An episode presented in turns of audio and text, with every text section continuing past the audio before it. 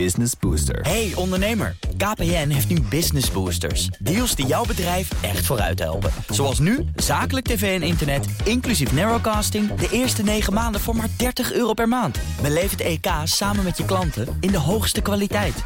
Kijk op kpn.com slash businessbooster. Business Booster. We hebben een nieuwe virusvariant en dus zijn er ook weer nieuwe onzekerheden op de financiële markten.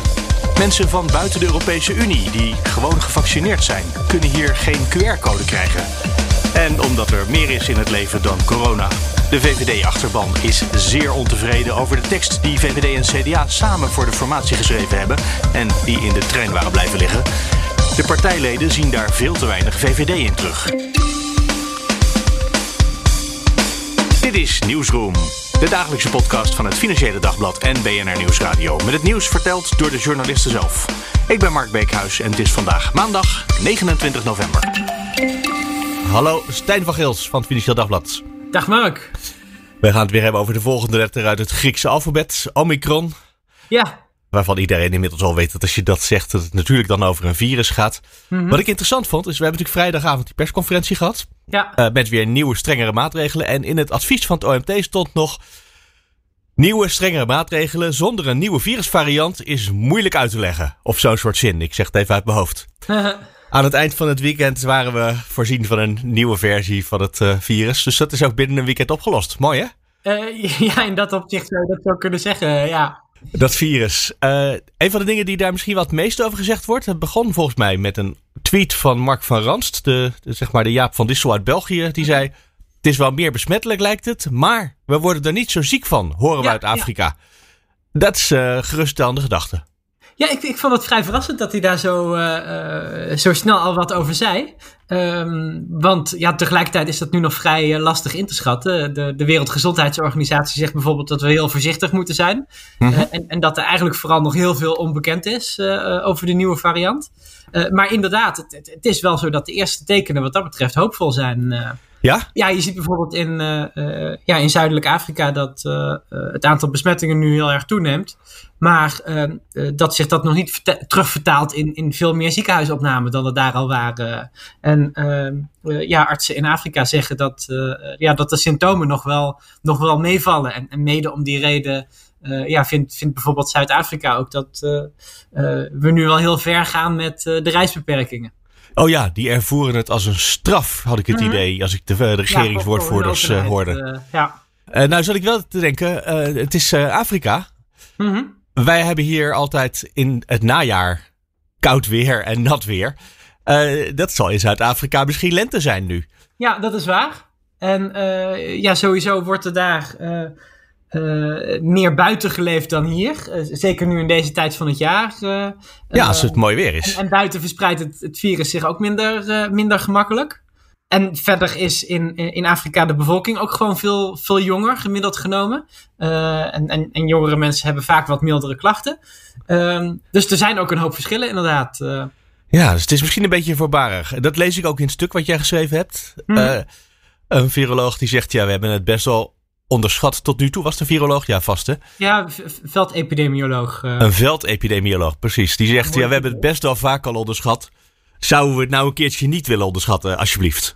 ja, Zullen we een klein bruggetje maken naar, eh, eh, naar de beurzen? Het is tenslotte het Financieel Dagblad. Ervaringen uit het verleden geven ook bij de virussen niet altijd garantie voor de toekomst. Je weet het gewoon nog niet. nee, nee. Het stuk wat jullie schrijven, daar staat in dat de beurzen niet per se opgewekt reageren. Eh, Extra nee, onzekerheid. Het, het was gisteravond ook heel moeilijk om dat te zeggen. Want eh, ja, het is natuurlijk heel slecht nieuws dat zo'n nieuwe variant ook al in Nederland opduikt. Eh, dat het ook meteen om 13 gevallen gaat. En dat het onbekend is of, eh, ehm, ja, of, of- er nog meer mensen met die nieuwe variant rondlopen. Ja, waarschijnlijk wel hè. Nou ja, die, die kans is best wel groot. Er worden iets van 20.000 eh, eh, positieve testen per dag eh, gedaan. En per week iets van 1500 die volledig gesampled worden. om, om te kijken of dat daar een nieuwe variant in zit. Ja, dat is natuurlijk niet heel veel. Dus er kan zomaar wat tussendoor glippen. En ehm, wat Amrish Badu, die, die veldepidemioloog, ook zei. is dat ja, wil je zo'n zo'n hele volledige sequencing doen. Dan moet je ook vrij veel materiaal hebben. Dus iemand die maar een heel klein beetje virus bij zich heeft, dan nog steeds heb je de kans dat je het dan niet, niet ontdekt, ondanks dat het een nieuwe variant is. En wat nu gaat gebeuren, is dat er ook heel gericht gekeken gaat worden. en, en dan ga je niet op het hele virus op, op veranderingen kijken, maar, maar heel gericht of dat het die nieuwe variant is dat zal de komende tijd wel opgeschaald worden. En, en dan ben ik heel benieuwd of dat we wat vinden. Het zal vast nog niet op heel veel plekken voorkomen. Uh, maar ja, er, hoeft, er hoeven er eigenlijk maar een paar tussendoor te glippen. Uh, en uh, de situatie kan zo over een paar weken helemaal anders zijn. Ja, dat hebben we met het virus wel geleerd. En je zei al gisteravond, was er een beetje zorg over de, over de beurskoersen? Ja, ja, ja. ja, heel veel onzekerheid ook. Want ja, je, hebt, je hebt best een heel gemixt uh, beeld. Aan de ene kant is het heel slecht nieuws dat we hem nu in, uh, in Europa en op behoorlijk wat plekken in Nederland hebben. Ja. Uh, het is ook ja, heel onzeker wat de, de vaccins doen. als je kijkt naar hoe het virus eruit ziet. Uh, dan zou je in theorie zeggen dat, uh, uh, dat vaccins en ook natuurlijke immuniteit minder goed werken. maar dat moet in de praktijk nog maar uitwijzen. en dat zal wel een week of twee duren. dus ja, hoe, hoe erg dit precies is, we, we, weten het gewoon eigenlijk niet precies. Nee, en deze ochtend zijn de. Dat is natuurlijk heel vervelend. ja, maar, nou ja, dat, maar dat wou ik net aanvullen. Want als ik nu fd.nl open, dan staat daar bovenaan zo'n rij met indicatoren. Ja. En die staan uh, eigenlijk allemaal in het uh, groen. Een klein beetje in de plus. Behalve ja. de euro-dollar koers. Uh, die, maar ja, dat heeft te maken met dat de economie in Amerika gewoon wat beter loopt dan hier in Europa nog. Ja, ja dus dat, dat was al zo. Nog redelijk los van. Ja, maar de rest staat allemaal in de plus. Dus eigenlijk nou, op, aan de beurs heeft iedereen een goed gevoel over deze nieuwe variant, lijkt het. Ja, in ieder geval ten opzichte van vrijdag. Want je moet natuurlijk wel uh, ja, in ogenschouw nemen uh, dat vrijdag de beurzen wel behoorlijk onderuit gingen. en dat nu dan misschien gedacht wordt, dit extra nieuws wat erbij gekomen is, is niet uh, is Dit maakt het niet erger. Een, eh, een opluchting. Uh, want het was natuurlijk ook al zo vrijdag dat, uh, ja, dat de situatie er niet heel goed uitzag. en dat de kans wel heel groot was dat het ook in, in bijvoorbeeld Nederland op zou duiken. Dus in die zin zal het voor beleggers ook niet heel erg als een verrassing komen. Wellicht achteraf gezien. Maar ja, gisteravond durfde ik dat ook niet zo stellig te zeggen hoor. Dus, nee, dat is sowieso. beurskoersen laten zich net zo slecht voorspellen als. Nee, laten zich slechter voorspellen dan het virus. Uh, misschien wel. Ja, in een perfect werkende economie, in een perfect werkende markt, moet ik zeggen, zijn beurskoersen per definitie niet voorspelbaar. Uh, uh, de, ja, dan ga je ervan uit dat alle informatie al in die, die koers zit. Dus dan is alle, alle vervolg. Ja, alles wat er nog gaat gebeuren en wat er invloed gaat hebben, weet je nog niet. Ja, is dan bijna helemaal random uh, dan, ja. Exact, dat is uh, de, de, economische theorie in elk geval. En dat is bij het virus niet zo, want je weet gewoon dat het besmettelijk is en je kan berekeningen maken en die kloppen meer of minder nauwkeurig. Maar ja. daar zit iets voorspelbaars in. Ja. Afijn, ja. De beurskoers staat in elk geval een beetje op het groen. Dus misschien moeten we daar dan toch maar hoop uit uh, putten. Laten we dat maar doen, maar tegelijkertijd ook niet, niet te veel, niet te veel. worden. Want ja, we zitten in Nederland, zeker in Nederland, met een heel hoog aantal besmettingen en ook ziekenhuisopnamen die behoorlijk oplopen. Dus uh, ja, om, om te veel risico te gaan nemen en te denken het zal wel meevallen. Uh, ja, uh, laten we achteraf maar zien dat het meegevallen is. Stijver Gils, dankjewel. Graag gedaan. Hallo, Diederik de Groot. Hallo Mark. Van BNN Nieuwsradio. Wij gaan het hebben over QR-codes. Hobbyonderwerp van de maand. Eigenlijk wel, ja, daar heb ik best vaak over. ja. ja met nu eigenlijk mensen die geen QR-code kunnen krijgen, die denken, ja, dat zouden we wel graag willen. Vertel. Ja. Ja, dat gaat om mensen die buiten uh, de EU wonen en ook daar zijn gevaccineerd. En ook niet in het bezit zijn van een Nederlands paspoort. Uh, die mensen, als die naar Nederland komen, uh, bijvoorbeeld als toerist, uh, of omdat ze met de kerstdagen bijvoorbeeld op bezoek gaan bij familie die wel in Nederland woont, of het zijn partners van Nederlanders. Het zijn allemaal voorbeelden die erover langskomen. Die mensen kunnen hier dus niet op basis van hun vaccinatie een QR-code krijgen, dus een corona-toegangsbewijs. Dat maakt het natuurlijk lastig als je hierheen komt uh, en je wil wat ondernemen. Want uh, als je hier naar een museum wil, moet je tegenwoordig ook je QR-code laten zien. En dan zou je natuurlijk een test kunnen doen, maar dan moet je dan wel elke dag doen. en een testlocatie zit op dit moment niet per se heel erg in de buurt overal. Uh, er was een tijd dat we echt met volop dat testen voor toegang inzetten. Uh, dat dat wel wat wijder verspreid was, maar uh, dat is nu toch wel wat minder.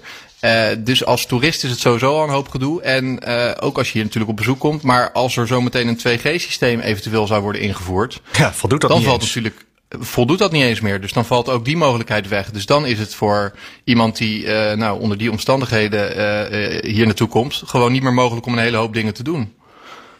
Het is natuurlijk wel crisis, hè? Ik bedoel, uh, ik snap dat dit heel erg leed is voor mensen die dit overkomt. Maar het is niet voor niks dat we het coronacrisis noemen. Dat is zo, dingen zijn gewoon op het ogenblik een beetje ontregeld en lastig en vervelend vaak.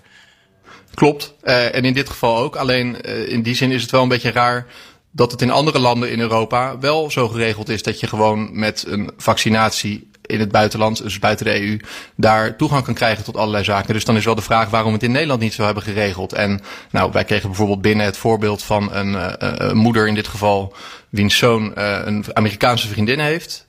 Die heeft geen Nederlands paspoort, dus die zijn allebei daar gevaccineerd met Pfizer. Dat accepteren wij hier ook als een erkende vaccinatie, zullen we maar zeggen. Maar toch is het dan voor hen niet mogelijk, of in ieder geval voor de vriendin, um, om hier een QR-code te krijgen op basis daarvan. Terwijl uh, we dus wel eigenlijk vinden dat die vaccinatie die ze heeft gehad voldoet. En dat is natuurlijk wel een beetje vreemd. En zeker aangezien het hier over best wel grote groepen mensen gaat, zegt ja. ook het ministerie. Want daar hebben we navraag bij gedaan. Uh, allereerst natuurlijk of dit klopt dat die mensen dat niet kunnen krijgen. Ja, dat klopt, zeggen ze. En hun uh, antwoord er verder op is: we zijn er wel mee bezig om dat te onderzoeken. Maar het gaat om echt grote groepen mensen die dit betreft. Dus we moeten dan heel erg uh, nou, goed en zorgvuldig. Dat is altijd het woord wat je dan hoort. en moeten we dat even dat liefst, op gaan tuigen. Ja, ja, ja zorgvuldig. Ja. wat betekent, uh, uh, wat betekent grote groepen mensen? Uh, honderden, tienduizenden? Waar, waar hebben we het over? Ja, dat is natuurlijk lastig te zeggen. Want uh, bijvoorbeeld als je kijkt naar toeristen, er komen op dit moment denk ik nog steeds niet zoveel toeristen als bij wijze van voor corona. Nee, maar kerst zit er wel aan te komen natuurlijk. Ja, kerst zit er wel aan te komen. Uh, dus maar ja, een cijfer kan je er denk ik onmogelijk op plakken. Maar als je ziet hoeveel Amerikanen er normaal gesproken naar Nederland komen en ook naar Amsterdam. Dat zijn volgens mij best wel uh, flinke aantallen. En er zijn ook best wel veel, dat zegt ook de organisatie die voor die mensen opkomt, Nederlanders in het buitenland, uh, tegen ons. Er zijn ook gewoon best wel veel mensen die familie overkrijgen met de kerst, inderdaad. Uh, wat dan heel, soms ook gewoon Nederlanders zijn die genaturaliseerd zijn, dus die hun uh, paspoort hebben ingeleverd. En dan daar bijvoorbeeld een Amerikaanse of een Britse voor de plaats hebben gekregen. Want uh, Groot-Brittannië hoort ook niet meer bij de EU. Nee. dus uh, ja, daar geldt in, in, in, principe hetzelfde voor. En uh, dan, dan kom je in zijn totaliteit toch best wel op grote groepen mensen die hier dan tegenaan lopen. En dat is natuurlijk ook voor bijvoorbeeld musea in nou, redelijk toeristische gebieden niet echt positief. Want uh, als, ik, nou, als ik naar mezelf zou kijken, stel ik zou nu een weekendje weg uh, gaan plannen voor de kerst of een lang weekje. Uh, dan zou ik niet direct aanslaan op een land waar je uh, een paar keer per week moet testen uh, ja. voordat ik ja. Dus dat, dat is toch wel jammer van je vakantie. ja. En in België en Duitsland kan het wel. Dus als die uh, familie uit Zuid-Amerika overkomt, dan kan je gewoon in België naar het museum. Ja, misschien kunnen ze dan maar beter gewoon in de Ardennen gaan zitten en daar ja, ja, precies. ondernemen of zo. Ja, ja nee, dat is maar wel... het is natuurlijk wel makkelijker als ze toch op bezoek komen dat je dat dan dicht bij huis kan doen. Diederik de Groot, dankjewel. Graag gedaan.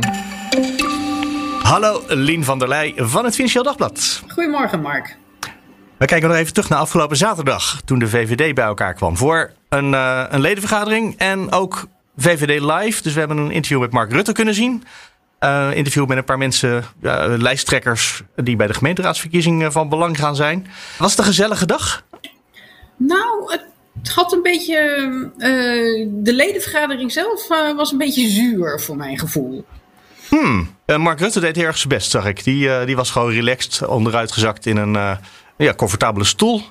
Uh, Klopt, niks dat aan de hand. Afloop. Ja, niks aan de hand. Uh, maar um, wat je wel kreeg te horen was een, een be beetje geklaag uh, van de leden. Dat doorkwam in enkele moties. Waar zijn de mensen boos over? Nou, ze zijn er niet gerust op. Die documenten die uh, Gert-Jan Segers in de trein uh, heeft uh, laten liggen. Ah, die zijn te links.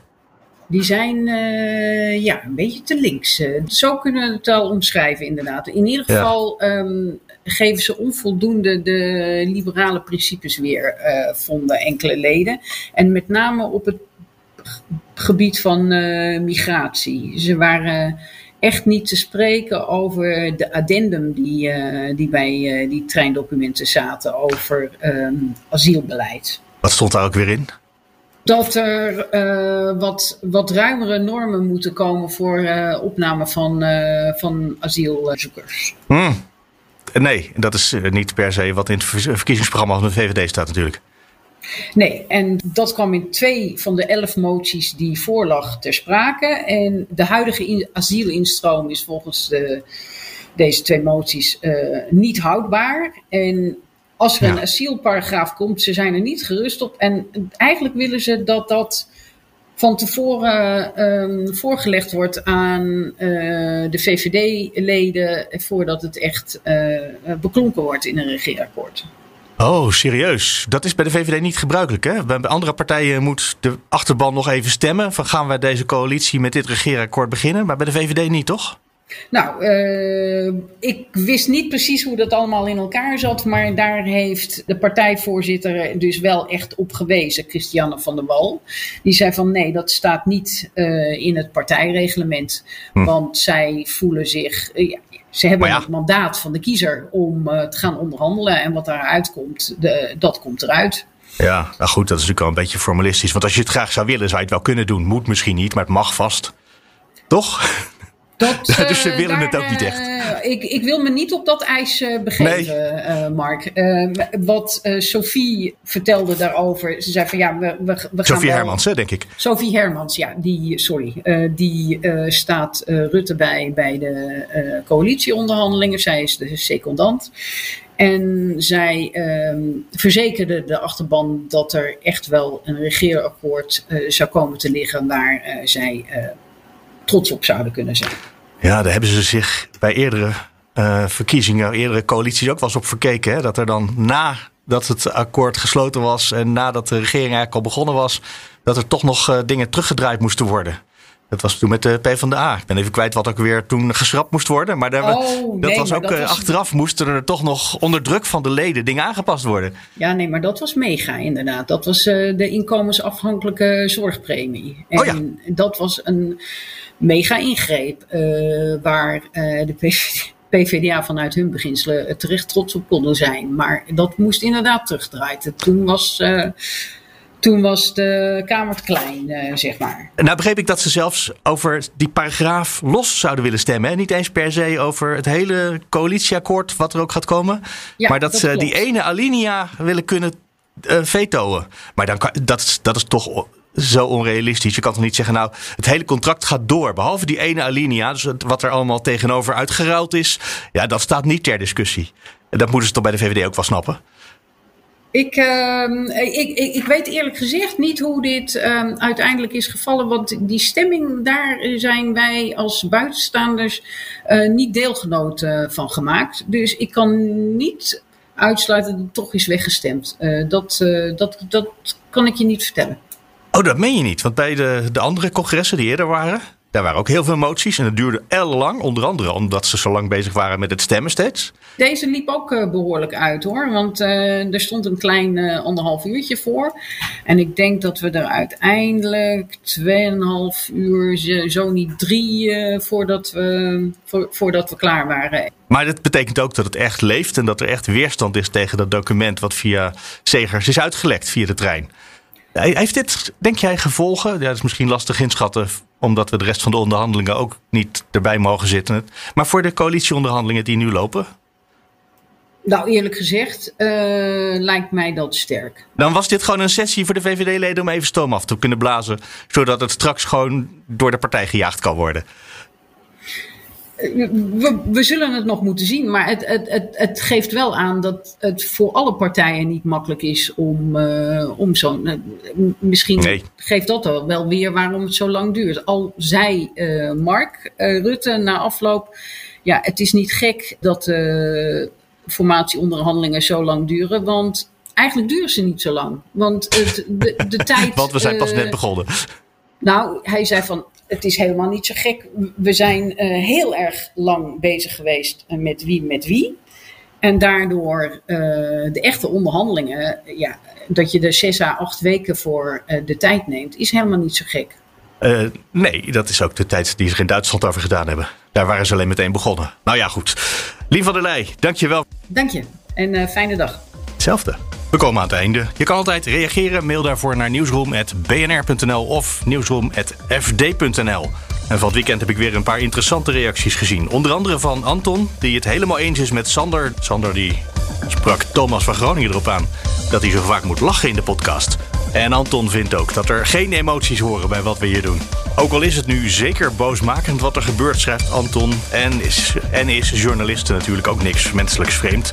Ja, en ik snap dat wel, maar ik ben het er toch niet helemaal mee eens. Ik vind dat als er iets grappigs is aan het nieuws, of als er ironie is waar je niet omheen kan, dat je daar best op mag lachen.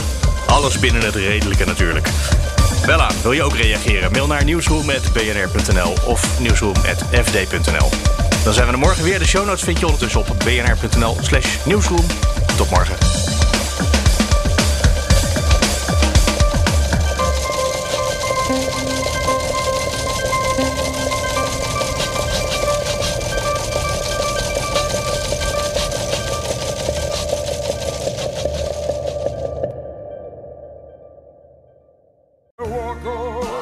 Hardlopen, dat is goed voor je. En Nationale Nederlanden helpt je daar graag bij. Bijvoorbeeld met onze digitale NN Running Coach... die antwoord geeft op al je hardloopvragen. Dus, kom ook in beweging. Onze support heb je. Kijk op nn.nl slash hardlopen.